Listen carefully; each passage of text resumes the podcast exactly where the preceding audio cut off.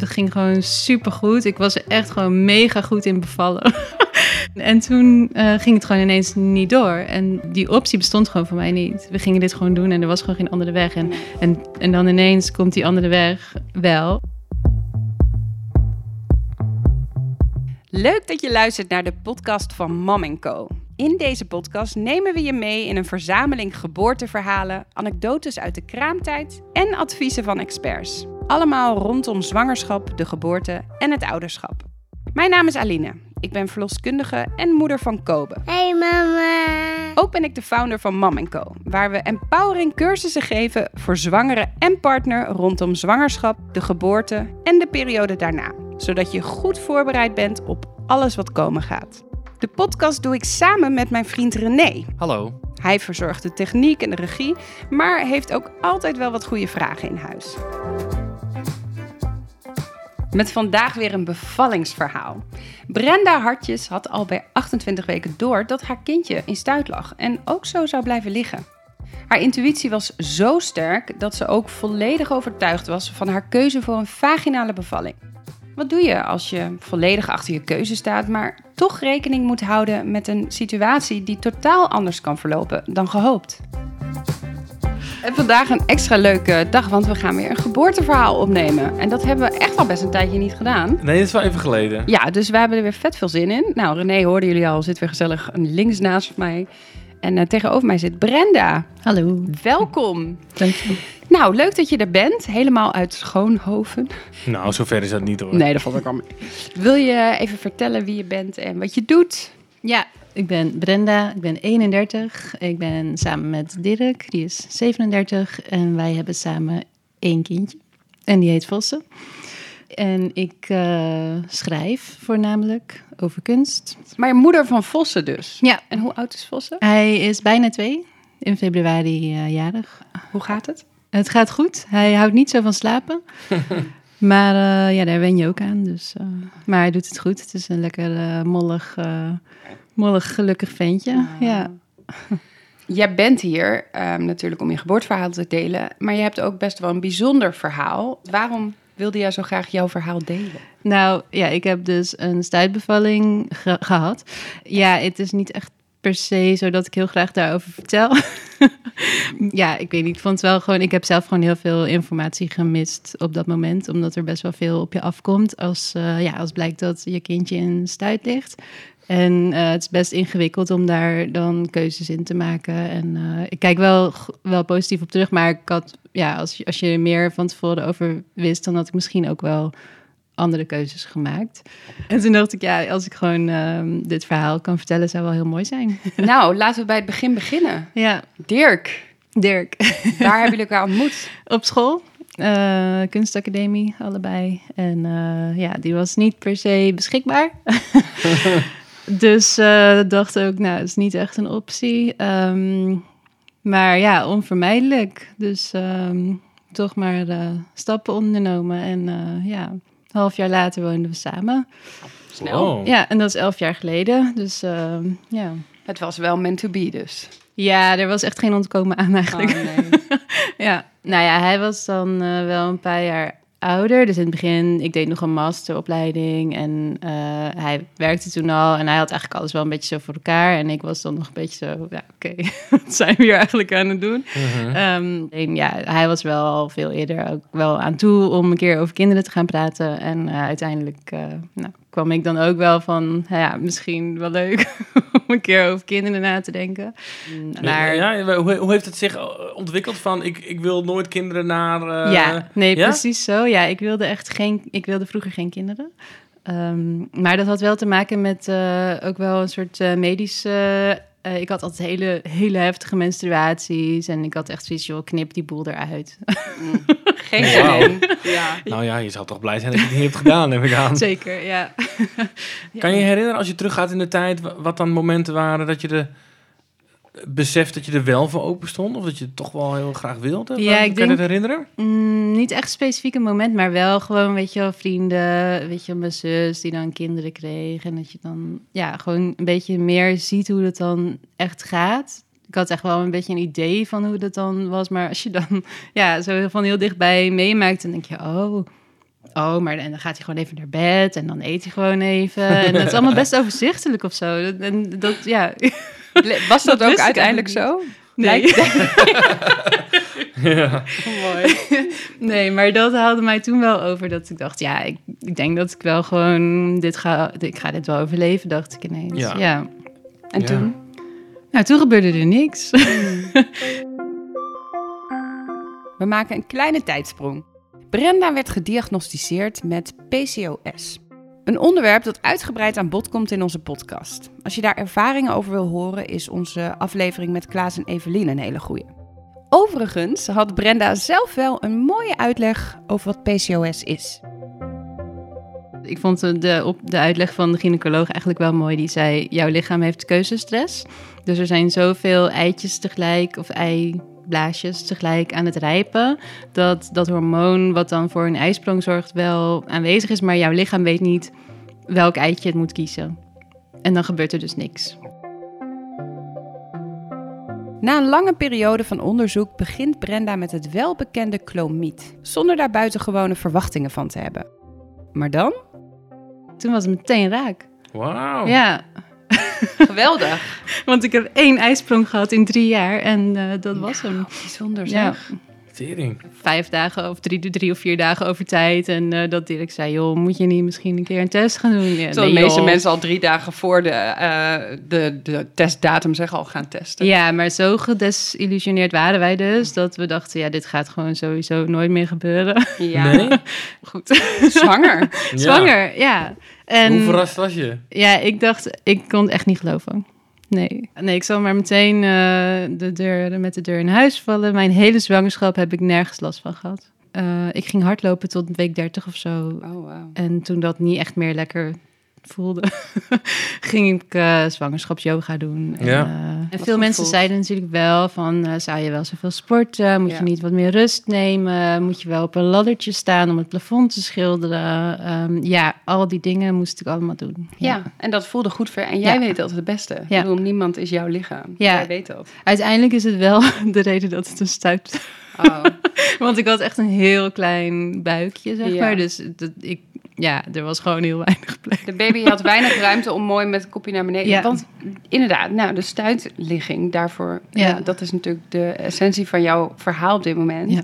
Wanneer ehm, kwam je er, kwamen jullie erachter? Ja, eigenlijk, ik wist het eigenlijk al heel snel. Want eh, normaal gezien heb je volgens mij tot week 36 of zo, zo'n beetje. Ja, klopt. Tot om nog te draaien. Precies. Dus eigenlijk, ja, eigenlijk wordt er helemaal niet over een stuit gesproken voor die tijd. Nee, Maar mensen zijn wel tot die, bang. Tot die fase pas wordt het Ja, echt, want je eh, kindje kan dan eigenlijk altijd nog draaien. Ja, maar ja. Ik, ik wist wel vanaf de eerste echo... Hij lag eigenlijk altijd zeg maar, met zijn hoofdje zo ehm, net onder mijn ribben... en dan zo in een soort garnaal. En dan met de voetjes zo eh, ja, een beetje aan de zijkant. Maar, en dat was op iedere echo. En ik voelde ook gewoon precies hoe die lag. En ik had ook echt wel al geregistreerd... dat hij gewoon nog nooit anders had gelegen. Dus Ja. ik dacht wel, van, ja, hij kan nog draaien... maar ik vermoed wel dat hij dat niet gaat doen. Dus ik, Ja. ik was me er wel al een beetje ja, op aan het voorbereiden. al onbewust al een beetje door. Ja, en ik ben zelf ook, eh, mijn, ja, ik lag ook in stuit. Dus eh, Mm. ik ben zelf ook zo geboren. Dus ik wist, ja, ik weet niet zo goed waarom. Maar het, het slaat, als theorie slaat het helemaal nergens op. Maar ik wist gewoon van, oké, dit gaan we waarschijnlijk gewoon Ja. eh, zo doen.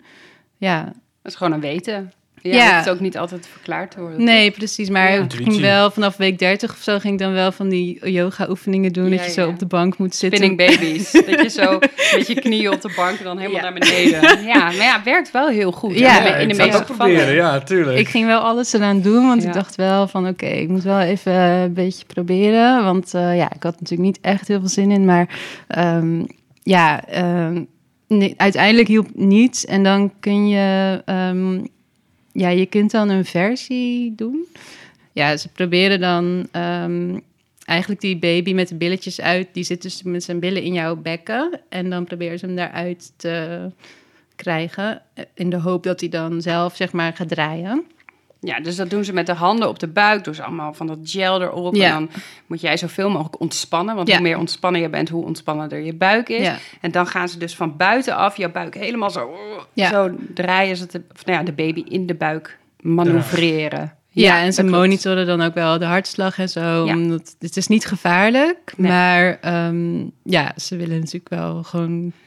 Ja, het is gewoon wel een, een, een, een interventie. ja. ja. het is natuurlijk Ja. wel, het, alles wat je doet qua interventie, hoe groot Ja. of hoe klein ook, ja, moeten we wel, ja, het heeft altijd een risico. Maar goed, de, het voordeel van een versie, de, de kans dat het slaagt is best wel heel groot.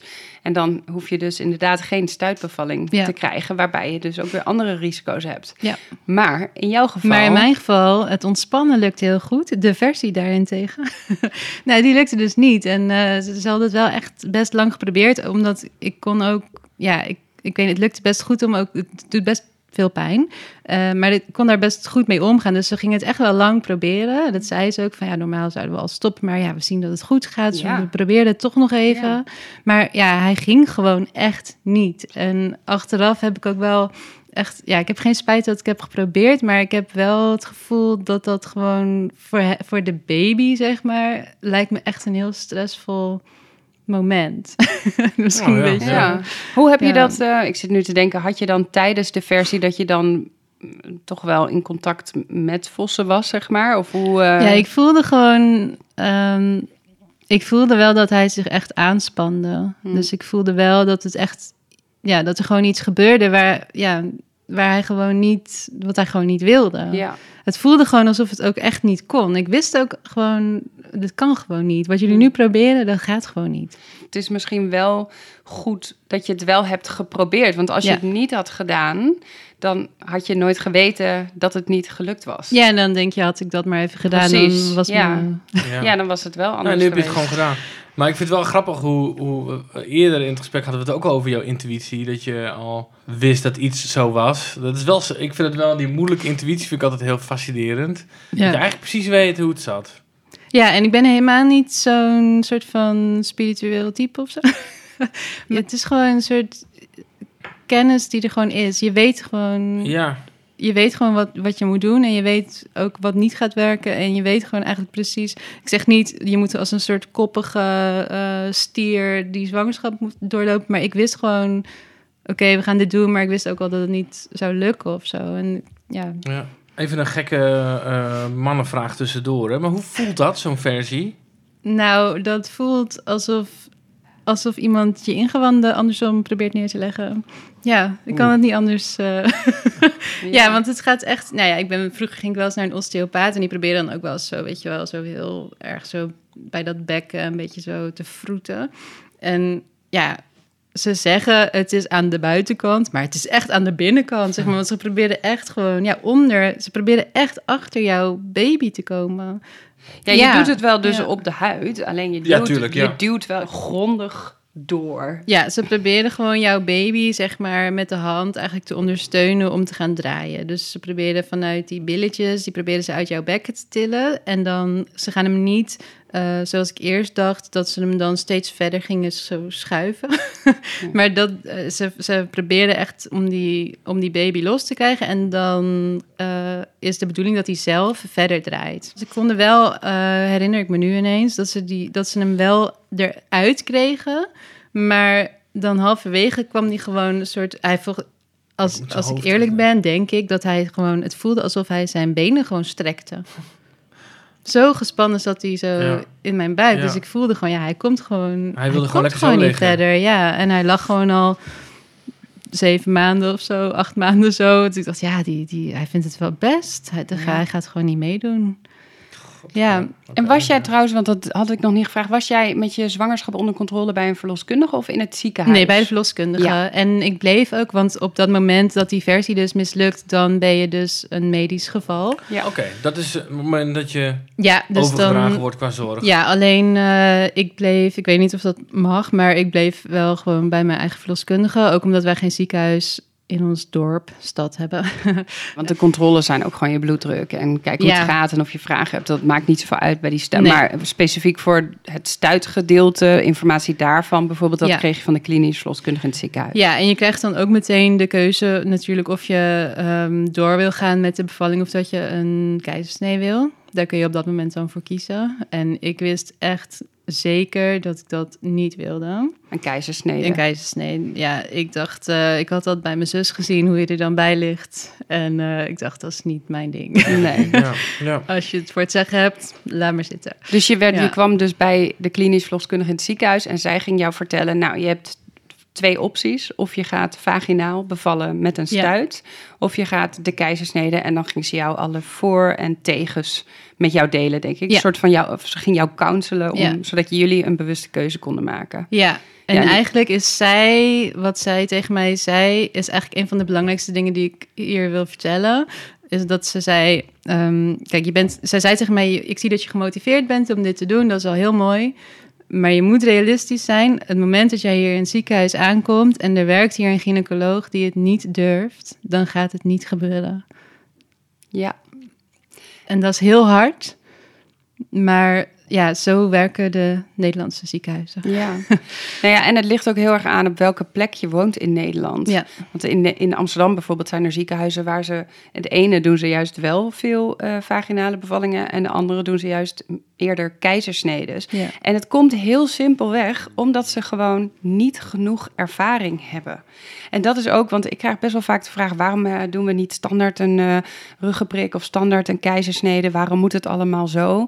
Maar de, om, in andere landen doen ze dat toch ook? Ja, maar dat doen ze dus omdat ze niet bekwaam zijn om natuurlijke, wat is natuurlijk weer, komt weer, maar om gewone bevallingen te begeleiden. En een stuitbevalling, ja, zo, ja, steeds meer mensen kiezen voor een keizersnede omdat de artsen gewoon niet leren tijdens een opleiding om die bevallingen te begeleiden. Dus ja, dan, dan kun je het ook niet goed doen. Dus ja, is het veiliger om een keizersnede te doen. Ja, en er zijn ook best wel. ehm, want zeg maar, nou ja, vroeger of zo, als er dan een, een stuitbevalling, dan wilde. En dat, daar zijn dus nog steeds best veel gynaecologen die dat dus zo willen doen.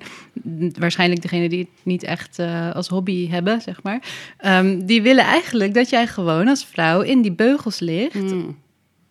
Ja, want dan kunnen ze er goed bij. En dan, want zij moeten ook een bepaalde, ik weet niet precies, misschien weet jij dat wel, maar een bepaalde handeling verrichten, soms of altijd, als Ja. het een stuit is. Nou, in principe is dat pas als de baby geboren wordt. Dan moet je de, de billetjes omvatten en dan moet je op een bepaalde manier eigenlijk het, liefst zo min mogelijk de baby aanraken. Maar er zijn, je moet een soort van ja, een andere manier van de baby aanpakken dan bij een wanneer het hoofdje als eerder komt. Ja, en dat zei dus die verloskundige tegen mij. Die zei, ja, dat moment, dat is gewoon iets waar de meeste gynaecologen best wel tegenop zien. Ja. Ehm, ze doen het, want ja, is gewoon hun werk. Ja. Maar zij vinden dat spannend. En Ja. dat is iets wat je zelf, dan op dat moment had ik dat nog niet door in ieder geval, dat een gynaecoloog het ook spannend kon vinden. ja. Eh, wat een beetje voor spanning zorgde in de aanloop ernaartoe was wel dat die, die verloskundige in het ziekenhuis, die zei dan wel van ja, alles moet zeg maar echt volgens het boekje gaan. Ja. En het boekje is blijkbaar, wist ik ook niet, dat je 1 centimeter ontsluiting per uur moet hebben. Ja. Nou, vond ik best wel pittig. Ik Ja. dacht, oké, dat is best wel topsport dit. ja. Maar Ja, ja, dat niet is een, wel beetje, een beetje achterover liggen. Nee, maar dat is wel vanaf de actieve fase. Dus wanneer je echt regelmatig Ja, als het hebt, echt, dat is wel waar. Ja, Ja, als het dus- echt bezig is. Precies, Ja. en dan zien we dat het ook dat je als je een gemiddelde bevalling hebt, dat het ook ongeveer een centimeter per uur is. En, en nou zijn ze daar met een stuitbevalling iets strikter op. Maar ik kan me voorstellen dat er wel een beetje speling in is. Maar het ligt er ook weer aan wie je inderdaad, eh, welke gynaecoloog dienst heeft. Ja, en ze zei dan wel meteen van het moet dan wel eh, het liefst ook natuurlijk op gang komen. Omdat als je met inleiding of zo, Ja. dan, dan heb je ook weer minder krachtige weeën waarschijnlijk. Ja, en meer Dus- kans dat je die ja. centimeter niet haalt, Ja. zeg maar. Ja, het is... Dus er waren best veel soort van omgevingsfactoren die allemaal een beetje, zeg maar, ze moesten, ja, ik moest de juiste arts, ik moest de juiste aanleiding, ik moest gewoon spontaan bevallen. Dus Ja. er waren best wel veel dingen die even zo goed moesten gaan. Dus ik had wel al een beetje zo'n gevoel van, oké, de kans dat het niet helemaal gaat zoals ik nu denk, is best groot. Ja. Ja. En hoe was dit voor je? Want ik zit nu te denken, hè, dit zijn dingen die zij zeiden vanuit het ziekenhuis van, nou ja, dit is ons beleid. Heb jij ook nog misschien gedacht van, nou, als dit jullie beleid is, eh, als het misschien niet goed voelt, maar misschien vul ik dat nu in, dat je bij een andere zorgverlener bijvoorbeeld ging kijken of zo? Nou ja, dat wist ik dus op dat moment niet. Dat kwam eigenlijk pas, dat besef dat ik daar ook een soort keuze in had, kwam eigenlijk wel pas later. Hm. Dus ja, Later en- als in na de bevalling. Ja, dus ik wist, maar we hebben natuurlijk ook sowieso niet heel veel ziekenhuizen in de buurt. Dus Nee. ja, en ik wilde ook wel echt een beetje, ja, dat ik wel binnen een half uur gewoon daar was, weet je Ja, wel. ik ik ga snap niet het. eh, Ja. een risico nemen dat ik nog eh, een pond moet nemen Nee, nee, nee, zeker. om even te bevallen. Nee. Ja, ja. Ehm, Maar ja, dus het is misschien wel een mooie om mee te geven aan de mensen die luisteren. Van ja, ondanks wat de situatie is, je hebt altijd een keuze. Ja. Hè? Dus ik bedoel, het betekent niet dat als jouw zorgverlener een, een beleid heeft, als het niet goed bij je past, dan kun je altijd verder kijken om Ja. toch een andere keuze te maken. Niet dat iedereen dat nou moet doen, maar Ja. dat het ook altijd kan. Dus uiteindelijk ben jij degene die bepaalt. Dus er is ruimte, maar in dit geval is het natuurlijk wel een hele ingewikkelde ruimte. dan. Maar ik, ik dacht eigenlijk meer, ik dacht eigenlijk op dat moment meer vanuit wat kan ik, wat kan ik zelf doen. Ja, Ehm, ook al zit ik in deze situatie. Dus Ja. ik kom daar aan en ik ga jullie vertellen, zo gaan we het doen. ja, En ik dacht, nou, dat, ja, dan moet het wel goed komen. ja. Nee, ik, ik dacht echt van, oké, ik ga gewoon die bestrijding en zo, dat hoeft allemaal niet. Ik, eh, ik wil gewoon een beetje daar in zo'n kamertje een beetje rondhangen en eh, een beetje douchen, dacht ik. Ja, een bad was ook geen optie, want ja, dat was sowieso dan natuurlijk niet, ja... Dat, dat vinden ze sowieso ook niet zo fijn bij een stuitbevalling. Omdat ja, als het kindje dan toevallig komt als je net in bad zit, dan Ja. ja, dat is gewoon niet helemaal handig. Ja, oké. Maar dat stond eigenlijk allemaal een beetje in het plan. Ehm, en verder, ja, ik had gewoon eh, erin gezet van ik wil gewoon heel graag alles aan doen om geen keizersnee te krijgen. Dat, dat was eigenlijk het belangrijkste, Ja. dat, dat het niet ging worden. Want ik weet niet, ik had er echt wel een beetje een fobie ook voor ontwikkeld. Van, ja, maar voor, niet per se voor de keizersnede zelf, maar echt voor die periode daarna. Zeg maar, ik had echt tot op dat moment echt nog, nog nooit langer dan twee uur niet slapend in mijn bed gelegen. Dat ik dacht, ja, sorry hoor, maar eh, ik zie het voor je dat ik daar eh, zes weken... ja, ik kon me gewoon echt oprecht niet voorstellen dat, dat, ik, dat, dat ik dat dan moest doen. Dus ik dacht, ja, dat, dat kan gewoon niet. Ik kan niet... Ja, ja, ik, ik kan niet mijn, mijn kindje niet optillen. Nee. dat gaat gewoon niet. Ja. moet, dat moet gewoon. Het moet, het moet gewoon lukken. Zo voelde het gewoon heel sterk Ja. voor jou. Ja. Ook om een beetje als extra, extra reminder voor zo'n arts van... oh ja, zij wil dat echt heel graag. Ja, super belangrijk. Laten we gaan naar de, de Ja. dag dat eh Vossen geboren. Ja, nou, twee dagen daarvoor eh, moeten we nog even naar het ziekenhuis. Want eh, toen was er... Ik weet niet meer zo goed waarom ik in het ziekenhuis was... maar de conclusie was in ieder geval... de conclusie was in ieder geval dat de placenta op was op dat moment. Oké. En Ja. hoeveel weken was jij op dit moment? 39 en drie dagen of zo. Oh, dat is vroeg voor een placenta die, je die Ja, je wil. nou ja, achteraf ehm, ja, verklaarde dat misschien ook wel een kleine buikje en zo. Ja, ja. Het kindje was gewoon gezond, maar eh, ja, de voeding was wel echt op. Dus Ja. daar werd ineens, werd gewoon, eh, je gaat eh, vrijdag bevallen of zo, geloof ik. Dat ja, dus werd. toen was daar toch die inleiding. Die inleiding die hing in de lucht. En eh, toen dacht ik, wel, dat is niet goed. Want eh, dat zei zij. dat mag niet gebeuren. Liever niet. Ja. Ja, want dan eh, gaan die weeën, die zijn niet goed genoeg. Dus, eh, Misschien, hè? Die zouden niet goed genoeg kunnen Nee, maar zijn. goed, dit Ja. gebeurde natuurlijk in mijn hoofd. Dat Ja. ik dacht, Ja. hé, hey, maar dit, is- dit is een afwijking van het scenario. Dit is niet eh, hoe ik dat bedacht. Dus toen stond ik voor die donderdagochtend. Volgens mij moest ik om zes of zeven uur zo naar het ziekenhuis. En dan gingen ze zo'n ballonnetje en zo eh, doen. Ja. En toen eh, woensdagavond eh, tv kijken. En eh, dacht ik, hé, hey, hier gebeurt iets. going on. Ja, hier gebeurt iets. Ja. En eh Dirk, Dirk lekker zeppen. Die eh, Jij zat zei op... nog niks? Nee, ik zei niks. Ja, Hoe kun je dan niks zeggen? Ik zou het echt niet kunnen zeggen. Nee, voel. Ik voel dit. Nee, ik had. ehm, ja, ik voelde iets en ik wist eigenlijk niet zo goed wat. Maar ik ging wel dan even zo die Weeën-app downloaden. Omdat ik dacht, ja, ik moet wel een beetje weten van hoe lang dit ongeveer precies Hoe, hoe duurt. lang je dit geheim moet gaan houden voor mensen? Ja, en ehm, ja, ik had ook nog niet echt een vluchttas of zo. Dat is ook typisch iets voor mij om dan zeg maar de volgende dag ingeleid te worden en dan geen tas in- ingepakt. Maar oké, ehm, nou, en ik denk het was volgens mij tien of elf uur 's avonds of zo. En eh Dirk die zei, ja, zullen we zo naar bed gaan? Ik nou, ik denk het niet. We gaan naar het ziekenhuis. Hoezo? Ja, ik heb iedere vijf minuten een week. ja. Het moet zo zijn, hè? Ja, maar dat Ja. had ik ook meteen wel door. Ik dacht, oh, dit heb je gewoon zelf veroorzaakt. Ja, natuurlijk. Want die, ja, die inleiding, dat eh, wilde ik echt zo graag niet. Nee. Dat, eh, ja, dat, dat, dat is gewoon iets in je hersenen wat gewoon een signaaltje geeft van... Ja. jongens, eh, zullen we gewoon nu beginnen? Je hebt gewoon een heel eigenwijs lijf. Ja, dat doet gewoon lekker. eh, Ja, dat denk Ja. ik, ja. ja. Dus eh, toen gingen we naar het ziekenhuis. En, eh, want je moet natuurlijk met een stuit, moet je ook meteen... eh, het is niet dat je nog even een paar uur eh, thuis eh, een beetje rustig aan of zo. oh, je je moet moest echt- bij, bij, de, bij het begin van de weeën gelijk... eh, ja, ik- Nee, het advies is, tenminste ja, bij een stuitlegging zijn ze wat sneller van nou kom maar gewoon. ja, ja. Net zoals bij misschien andere medische indicaties, dat ze ook sneller zeggen, nou bel maar, kom maar wat Mhm. eerder. Maar ehm, voelde je ze ook al in, moest je al weg, weg gaan zuchten? Of, eh, ja, het werd wel... Op een gegeven moment werd het wel echt al zo'n echt een golfje. ja. Ik dacht, oké, oh, we gaan nu omhoog. Oké, ja, Ja, eh, dus ik had wel echt door van dit is het wel. Dit is wel, ja. Je weet natuurlijk niet hoe een wee voelt, maar totdat je hem hebt gehad, dan, eh, dan weet je wat het is. Ja, En eh, dus ik wist eigenlijk wel gewoon van ja, dit is niet misschien, we gaan dit gewoon echt eh nu ja. doen. Hoe ging het met Dirk nu? Ja, net zoals ik eigenlijk best wel nuchter in dit soort situaties. Dus ja, oké, dan pakken we de tas en dan gaan we. Oké. Ik denk dat hij gewoon vooral heel erg blij was dat we dat hele gedoe met die inleiding niet wilden. Want hij wist dat ik dat ook echt, dat ik er echt tegen opkeek. En dus hij was volgens mij gewoon op dat moment heel blij Ja. van, ja, oké, het gaat misschien volgens jouw plan, zeg maar. Dat, daar was hij, stond hij wel helemaal achter. En, Mooi. eh, ja, ja. Maar goed, toen kwamen we daar dus aan. En toen zei iemand op de afdeling, de stuit is er.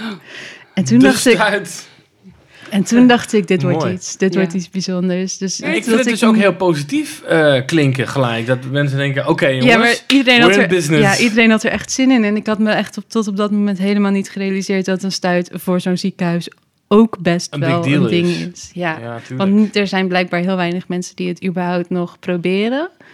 Ehm, wist ik ook niet op dat moment. Ik dacht dat het eigenlijk normaler was om het wel te proberen dan om het niet te proberen. Maar dat bleek helemaal Zou niet waar te ja. zijn. Ja. bij mijn yoga cursus, daar zei echt iedereen... Oh, dus je krijgt een keizersnee.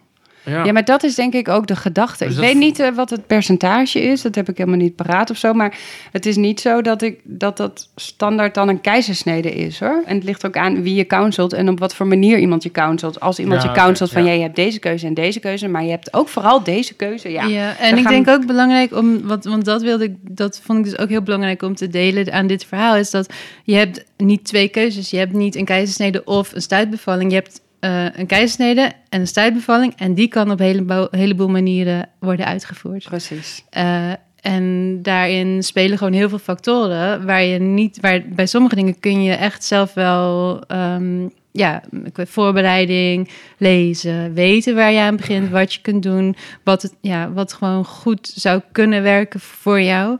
Eh, als je dat weet, dat scheelt volgens mij al heel veel.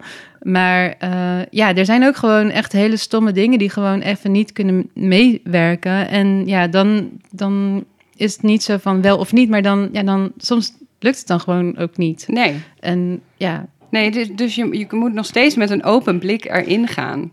Ja het is eigenlijk gewoon even onvoorspelbaar als iedere Ja. andere bevalling. Zeker, ja. Ja, dus ja. En eh, in eerste instantie zeiden ze, nou, volgens mij kunnen jullie nog wel naar huis, want er gebeurt niet zo heel veel. Maar ehm, ik zei wel toen meteen van, nou, ik denk niet dat dat zo'n goed idee is, want ja, dan moeten we eerst nog weer bijna een half uur eh, terug naar huis. En dan als het dan toch doorzet, moeten we weer... Ik heb geen zin om heel de tijd met die weeën in die ja. auto eh, te zitten. Ja. En dan kun je ook niet eh, in je ontspannen flow komen natuurlijk. Nee, dus en ik wist ook gewoon, nou, dat gaan we echt niet halen. Nee, je voelde Want, het weer al. is- ja, ik dacht, hè, die weeën, ik heb dat gewoon op, de- op precies zo de regelmaat wat ze zeiden dat het zou gebeuren. Ja. Dus ja, het begint gewoon. ja. Waarom twijfel je aan mij? ja. Ja, maar goed, al die, ehm, die verpleegsters en zo die dan de hele tijd binnenkomen, waren ook allemaal heel enthousiast. Want die dachten, ja, Wat oké, zij heeft er echt zin in, weet je. fijn. Ja, dus, Waar, welk eh, ziekenhuis was dit? In Gouda. Oh, ja, Gouda. Groene Hart ziekenhuis. Ja. Ja, dus iedereen, de sfeer was goed. En eh, we hebben uiteindelijk echt een paar uur gewoon eh, helemaal met z'n tweeën op die kamer gezeten. Toen die weeën echt een beetje doorkwamen, zeg maar, vond ik het wel even heel lastig. Ik wist gewoon niet zo goed welke houding dan fijn was. Dus ik ging gewoon zo die ademhalingsoefeningen doen. Ik ging heel, heel lang douchen. En toen op een gegeven moment zei ik, hebben jullie zo'n bal? Nou, toen ging ze zo'n bal halen. En toen heb ik gewoon echt 4,5 uur op die bal gezeten Geweldig. misschien een beetje extreem om te zeggen, maar ik had ook geen pijn. Het, ik, ik ging echt, ik voelde gewoon, dit gaat helemaal lekker. en alleen dat al was gewoon, ja, ik weet niet, Maar hoe voelde het dan? Ja, nee, En- ik zat gewoon echt op de zee. Ik zat gewoon Oh. echt eh, zo, oh ja, dan gaan we weer. En dan, hmm. En, en, oh, ja. Ja, dus uiteindelijk ging dat eigenlijk heel lekker. En toen nou ja, laten we maar overgaan op het eh, Ja. spannende stuk van het verhaal. Nee, ehm, toen kwam op een gegeven moment een verloskundige eventjes checken hoe het ervoor stond. En dat was ongeveer, ik denk dat ik toen een uur of zes in het ziekenhuis was. En toen zei ze, nou, je hebt 7 centimeter. Dus eh, toen dacht ik, yes, oké, even snel tellen, weet je wel. Die gaat lekker. Ik loop 1 centimeter voor op planning. mooi, mooi een beetje ruimte. Dit gaat goed, ja. Ik voelde wel, ik dacht dat ik in ieder geval voelde dat het echt wel, zeg maar, heel erg zakte. En of dat het kindje heel erg gezakt was. En ehm, ik dacht, oké, nu komen ze straks binnen en dan zeggen ze, nou, we gaan, nu gaan we beginnen. Hmm. Ja, en toen kwamen ze dus binnen met de gynaecoloog. En die zag ik op dat moment voor het eerst. Hoe laat was dit? Ehm, s ochtends vroeg, Oh, zes ja. of zeven uur. Ja, Ja, dus, dus ik was er al de hele nacht. nieuwe lichting, of niet? Ja, zou kunnen. Ik zou dan bijvoorbeeld, hè, even vanuit menselijk perspectief, zou je dan zeggen: ja, kom, kom dan even alvast eh, kennis maken, weet je wel? Want dan Ja. kun je gewoon alvast een beetje zachtheid in de Ja. relatie creëren. Maar goed, Ja. Ja, ik dacht dus dat we toen... eh, ik dacht, nu gaan we dit gaan persen. De baby komt. Kleertjes waren al, eh, werden al klaargelegd. En toen kwam dus die gynaecoloog. En, en ik zag hem en ik dacht... Hé, hey, maar ik ben nu aan het bevallen... en jij hebt mijn bevalplan nog niet gezien. Jij hebt mij nog niet ontmoet. Jij weet eigenlijk niks van mij, maar jij komt nu wel... Jij kon mij nu vertellen wat we gaan doen. ja. ja, nee, ik ga daar natuurlijk ook wel op aan. Maar hoe ging Ja. het dan? Wat, hoe, hoe ging die ontmoeting? Nou, hij zei, nou, de, ver- de verloskundige is net bij jou geweest. Die heeft het gecontroleerd. En die heeft eh, haar zorgen eigenlijk over de... Eigenlijk of jouw bekken, zeg maar, breed genoeg is voor een stuitbevalling. Mhm. En dat was eigenlijk voor het eerst Ja, het is dat ik informatie. hoorde Ja. van... hey, trouwens, je hebt een heel smal bekken. Ja, Wist ik niet. Ehm, nou, en ze zeiden, ja, de ontsluiting vordert ook niet meer. Maar want dat toen vond was ik er nog steeds... eigenlijk heel gek. Want, ja, want het ging hartstikke goed. Ja, het ging hartstikke goed. En het was 7 centimeter. En ik voelde echt wel die druk nog steeds, zeg maar, toenemen. Dus ja, ik was wel echt heel erg verbaasd Ik ook. dat dat, dat, ja, dat, dat blijkbaar niet eh, vorderde. Ja. Ehm, dus ja, ik was wel een beetje zo meteen uit het veld geslagen. En toen stond er op een gegeven moment, stond er, dat was eigenlijk wel het meest vervelende moment of zo, dat er gewoon, op een gegeven moment stonden er zes of zeven mensen rond dat bed, die ik ineens, die waren er ineens, ik weet niet, ik weet niet eens wie het waren. Die stonden daar gewoon met z'n allen en die gynaecoloog die wilde dus zelf ook nog even controleren en toen zeiden ja, je hebt altijd een keus. Maar toen wist ik natuurlijk al welke keuze er gemaakt was. Want ja, ehm, ja dus zij zei, nou ja, wij denken gewoon, wij hebben heel weinig vertrouwen in dat, dat, het, dat het goed af gaat lopen. Je mag het nog even proberen. Maar ik voelde op dat moment voelde ik ineens heel veel pijn. Ja, je komt uit je bubbel. Ja, die en ineens hele. Ja. die hele Dit is- situatie wordt doorgeprikt. Dus ik voelde van ja, wat ik nu ook kies, mijn lichaam heeft nu al gekozen. Mm. Dit gaat niet meer gebeuren. Omdat je lichaam al reageerde eigenlijk. Ik weet niet, het is heel moeilijk om uit te leggen, Ja. maar dat hele, ehm, die hele situatie zorgde er gewoon voor dat, dat ik echt helemaal uit die soort van ontspannen Ja. flow. Ja, joh, en, dit, dit is gewoon puur. Je, zit eerst in, je zat in een cirkel die had vertrouwen, waardoor je eh, oxytocine aanmaakt, Ja. endorfines aanmaakt. ja, en toen ineens ontspannen. gingen we een keizersnee doen. Ja, dus jouw lichaam, dat is gewoon jouw zenuwstelsel, die gewoon Ja. ontzettend in de fight-or-flight eh, reactie gaat. Ja. Dus je endorfines nemen af, je adrenaline neemt toe, je pijnbeleving vergroot. En je komt in juist zo'n negatieve spiraal. Dus adrenaline, ja, en die, die verkramping. pijn was ook echt ineens echt ondraaglijk. Want ik had Ja. dus ook helemaal geen... Ik had nog niet eens nagedacht over... moet ik misschien pijnbestrijding of zo? Ik Nee. was gewoon daar Nee, helemaal maar niet mee bezig tot dat lichaam- ja. moment. Dat was toch geen issue, maar... eh, Nee. Ja, ja. Nou, maar ja, zo duidelijk is het dus. Alleen Ja. het is niet altijd bij iedereen zo duidelijk te ervaren. Maar bij jou is het zo duidelijk wat die, die stress of die Ja. angst... of in ieder geval het Ja. geen vertrouwen hebben Ja. in je team. En ineens wordt jouw ding...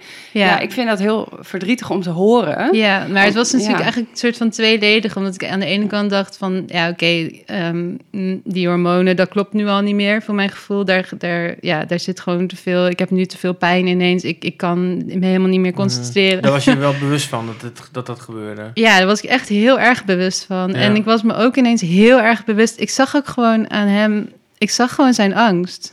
Ik zag gewoon dat hij De niet durfde. Ja, en ik, Ja, en en ik dacht, ja, we Jammer, kunnen nu... Ik kan nu zeggen, we- ik wil het heel graag... en ik ga jou nu uitleggen hoe ik het wil. Maar ik wist al dat hij dat gewoon niet wilde. Nee. Dus ja, dacht, er is Nee, gewoon nee, geen... het Je hebt een een- keus, maar je hebt helemaal geen... Ik had Nee. geen keus op dat moment. Nee. Dat was misschien een ander verhaal was als er een, iemand was die heel actief... Oké, jij wil dit, oké, ik wil het ook. Waar je dan Ja. als een vertrouwen uitsprak, dan... dan Ja, of op zijn minst even echt serieus ingaan op de optie om niet Ja, op een keizersnede over te gaan. ja. Dus ehm, wat er dan zou gebeuren, want mijn vliezen waren bijvoorbeeld ook nog niet gebroken. Nou, dat hadden ze natuurlijk nog kunnen doen. Ja, ik zit een paar keer met mijn ogen te rollen hier al. En ik bedoel, ik ben geen gynaecoloog en begeleid geen stuitbevallingen. Maar er zijn wel een aantal dingen waarvan ik denk... oh, dat zijn wel echt mega gemiste kansen. Ja, waardoor mijn idee wel versterkt wordt dat, dat ik gewoon een, toevallig dus een team om me heen had die er gewoon niet zoveel trek in had Ja. uiteindelijk. Nou, dus toen, toen, ik moest natuurlijk enorm huilen, want ik dacht echt, ja, wat is dit nou weer? Waar, het ging gewoon supergoed. Ik was er echt gewoon mega goed in bevallen. Maar echt Eh, ook. Ja, maar ik Ja. was er echt goed in. En toen eh, ging het gewoon ineens niet door. En ja, de, die, die optie bestond gewoon voor mij niet. Dat, ja, die, Ja. die was er gewoon niet. We gingen dit gewoon doen en er was gewoon geen andere weg. En, Nee. en, en dan ineens komt die andere weg wel. ja, het ging eigenlijk in, in één minuut naar, Ja. naar van droom naar alles wat ik niet Ja, wilde. dus en Ja. waarbij je eigenlijk ook de controle aan het kwijt... Ja. Je, je raakte de controle Ja, kwijt. en daar zat mijn emotie natuurlijk in. Ja, dat ik dacht, tuurlijk. ja, maar in, ik raak, het glipt gewoon eh, Ja. tussen mijn vingers ja, eh, door. ja. vastpakken. Maar die weeënremmers die werkten dus niet. Mm. Dus ik lag daar echt met, met enorm veel pijn. Echt, nou, misschien kun je je nu niet helemaal voorstellen, maar ik was echt hysterisch. Dus ik Mm. was, ik was echt alles wat ik niet van mezelf ken. Schreeuwen, boos worden. Echt, ik heb die, die mensen echt allemaal de meest verschrikkelijke dingen toegewenst. Mm. Omdat ik gewoon zo boos was. Ja. Ja, Ja. ja, ik hoor je. Ja. ja. Maar goed, ja, achteraf eh heb ik wel ook een paar mensen nog mijn excuses aangeboden. Maar was ook eigenlijk niet nodig, weet je. Dat, zei- Nee. dat is gewoon Nee, je werk. je was boos, ja. Ja, je mag je ja. boosheid wel uiten, Ja. toch? Ja, ja, je weet gewoon dat er iets gaat gebeuren waar je eigenlijk echt helemaal... Ik was ook nog nooit geopereerd, dus ik dacht ineens... eh, hoe werkt dat eigenlijk? Want ik had dus ook, en dat snap ik eigenlijk achteraf niet... Ik had dat dus niet opgezocht hoe een keizersnede gaat. Nee. Nee, je was zo bezig. Ja, daarom is het, kijk, eh, geboorteplannen is supergoed. Maar heb altijd een plan B. Ja, ja, ja. Ja, Nou, maar het vertrouwen is zo mooi dat je ook echt er eh, gewoon helemaal niet over na hebt gedacht. nee, ja, Dus achteraf vind ik het onvoorstelbaar. Dat ik denk, Ja. hoe kan het dat je aan een stuitbevalling begint? on niet- the hormones. Ja. ik, ik had gewoon, ja, ik wist het wel een beetje, zeg maar, hoe het, ja, hoe het ging. Maar ik had niet echt van, van oké, dan krijg je zo'n prik. En dan, ik wist niet hoe de hele situatie eruit zag ook. Dat, Nee, en ja. ik denk dat is zeker een, stuk eigen verantwoordelijkheid, inderdaad, Ja. dat je dat ook doet. Maar ik denk ook een, eh, een, een samenspel met ook het ziekenhuis, die je daar ook goed in moet voorlichten. Dat, Ja. In Zeker. principe hoor jij te weten hoe het is als jij een, een, vaginale bevalling doet, maar wat dan gebeurt als het niet lukt. Dat Ja. horen ze je wel. Maar duidelijk uit te misschien hebben ze me dat ook wel verteld. Ja, maar het ging het zeker één oor Maar heb in, ik dat niet uit. willen horen? Ja, dat Ja. kan me ook Ja. heel goed voorstellen. Maar goed, eh, weet je, uiteindelijk, eh, ja, die rugprik erin. En eh, nou, daar lig je dan helemaal eh, aan de apparatuur. En dan komt die gewoon uit jouw buik. Dat- ja, krankzinnig. Krankzinnig. Er komt gewoon zo'n baby, komt gewoon zo boven zo'n lakentje vandaan. Ja, ze het Helemaal onder het bloed. Ja, Ja, hij zag er niet uit. Hij zag er echt niet uit. Maar ja, en dan denk je, oké, En huilen? dit is Hoorde hem? Ja, heel erg. ja, nou ja, ik krijste echt meteen eh, de hele boel bij elkaar. ja die deed Lekker. gewoon met jou mee. denk ik. Dirk mocht meteen met hem mee, zeg maar. Dus die, eh, ja, die, die, hij mocht niet de navelstreng doorknippen, want dat mag dan, denk dat ik, nooit. Steriele Ja. ja. Ding. ja, dat mag, dat kan wel, maar dan moet je dat voorbereiden. Ja. Maar in dit geval was het, dit noemen Dus ze misschien een spoedkeizersnede. Ja, precies, ja. En om- als het echt geplande keizersnede was, had dat zeker, Ja. had dat echt waarschijnlijk wel gekund, ja, denk ik. maar goed, hij mocht wel meteen mee en, eh, en hij mocht hem dan ook zo vasthouden en dan naar mij toe brengen. Dus het was, en dat is nu Ja. wel, hebben ze natuurlijk wel echt verbeterd. Hè? Dus je bent nu wel binnen een paar minuten, ja, heb je hem gewoon bij je op je borst. Ja. Dus, ja, en Zo. ik was echt helemaal high, want je krijgt natuurlijk morfine en zo. Dus ik ging echt helemaal, eh, ja. Nou, hoe Ja. voelde je toen hij er was? Was je, was, was je opgelucht? Was je blij? Ja, ik was Of was je nog super een beetje blij. boos nog nee, ik was absoluut niet boos meer. Die boosheid heb ik ook pas maanden later weer teruggevonden. Dat ik dacht, oh ja, ik was echt heel boos daarover. Dus je was vooral boos op het moment dat ze het besloten, totdat die ruggenprik er misschien in zat? Of tot hoe lang nee, echt wel geweest? totdat hij er was. Oh ja. dus zeg Oh maar, ja. zelfs toen ze, hem, toen ze hem echt aan het halen waren, was ik nog echt wel wel boos. Ja. Ja. En dan kan ik me ook voorstellen dat je ook niet helemaal veilig voelde bij dit team. Want het Nee. team waarbij je eerst dacht, oké, party, let's get it on. En Ja. daarna ineens Nou, ik veranderde kreeg wel de een andere gynaecoloog die zeg maar verantwoordelijk was voor de keizersnede. Dus die man heb ik daarna ook nooit meer gezien. Dus het enige keer dat ik hem heb gezien was toen Nou, ik kwam een vertellen dat het niet situatie. doorging. Ja. Wat vreemd. Ja. Maar je ziet het niet, weet je wel. Als je in een ziekenhuis... Ik bedoel, ik heb zelf heel lang in een academisch... in het LUMC gewerkt. Ja, dan ga je, als je aan deze kant staat... Ga je, kun je niet altijd Ja. helemaal invoelen hoe het is. Maar je bent hoe niet- belangrijk het is. Je bent toch niet achterlijk, denk ik dan?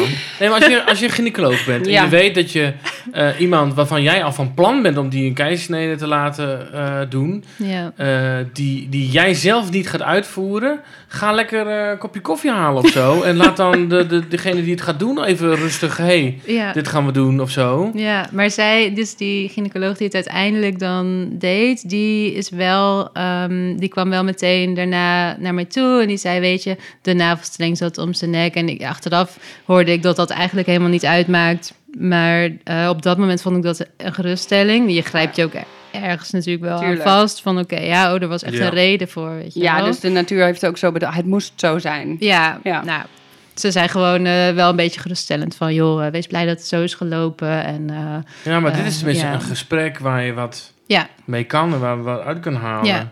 Ja, en maar ik wil wel eh, Ja. zeg maar positief, omdat het is Tuurlijk. natuurlijk best dramatisch dat zoiets dan uiteindelijk niet lukt. Maar ja, achteraf maakt het ook echt niet uit. Zeg maar, op dat moment vond ik het heel erg, maar achteraf maakt het gewoon echt niks uit. Ehm, heel veel mensen vragen mij dan, ja, had je dan niet, als je dit nu weet, had je dan niet gewoon die afspraak willen maken? Dat je dan zo'n gentle eh sexio, dat je dan, weet je wel, een beetje zelf kan bepalen en je weet wanneer het gewoon gebeurt. Nee, want dan had ik gewoon dat hele moment, gewoon dat je helemaal zo met die weeën en zo, dat Super helemaal empowerend, gemist. ja. Ja. Ja. Dus Dus jij, ja. jij weet gewoon, jij weet het. Jij Ja. kan dit. Ja. Iedereen kan het, vind ik. Ja. Maar jij hebt het ervaren. Ja. Dat is super empowering. Ja. En kijk, uiteindelijk is het natuurlijk dan anders gegaan. Maar ja, dat, daardoor heb ik wel die hele ervaring van Ja. die bevalling. Ja, eh, nou, misschien het laatste Ja. deel dan niet. Maar ik heb daar ook helemaal niet wat je ook wel eens hoort van een soort van... Ja, dat het dan niet gelukt is of zo. Ik had daar ook vanaf het eerste moment al helemaal... Was ik helemaal oké mee. Fijn. Ja. Nou, Ja. super inspirerend. Wat, eh, wat zou je zeggen tegen iemand die weet dat het een stuitbevalling gaat worden? Mm, goh, ehm, uiteindelijk is het, niet, eh, is het niet erg als het uiteindelijk een keizersnede wordt. Mijn angst daarvoor was, was totaal niet terecht. Ja, en het was ook onbekend voor jou. Ja. Want je hebt dus niet helemaal in verdiept van... hé, hey, wat, wat is die angst en wat is het eigenlijk überhaupt? Ja, En misschien als je dat wel had gedaan, ja. dan was het al minder spannend ja want het is best raar natuurlijk dat je wel filmpjes gaat opzoeken van baby's die achterstevoren geboren Ja. worden. Ja. Moeders die helemaal eh, Ja. oud gaan van de pijn. En dat je dan niet gaat kijken hoe een keizersnee Ja. in zijn werk Ja. gaat. Nou ja, ik denk echt iedereen die, die, die dit luistert, die, die gaat dit nu wel doen. Ja, dat hoop ik. Ja, top. Nou, ik vind het, ik vind het een eh, prachtig verhaal en eh, oprecht inspirerend. Dus eh, Nou, gelukkig. Ja, echt super bedankt dat je dit wilde komen delen. Nou, ik vond het heel leuk. Ja, nou ik ook.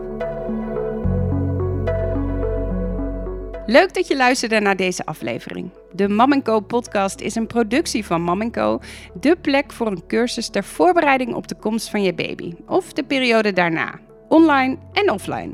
Check voor meer informatie www.momco.nl en volg ons natuurlijk op Instagram. En ben je net als wij gek op geboorteverhalen? Check dan ook onze eerder gemaakte podcast Adem in, Adem uit. Tot de volgende!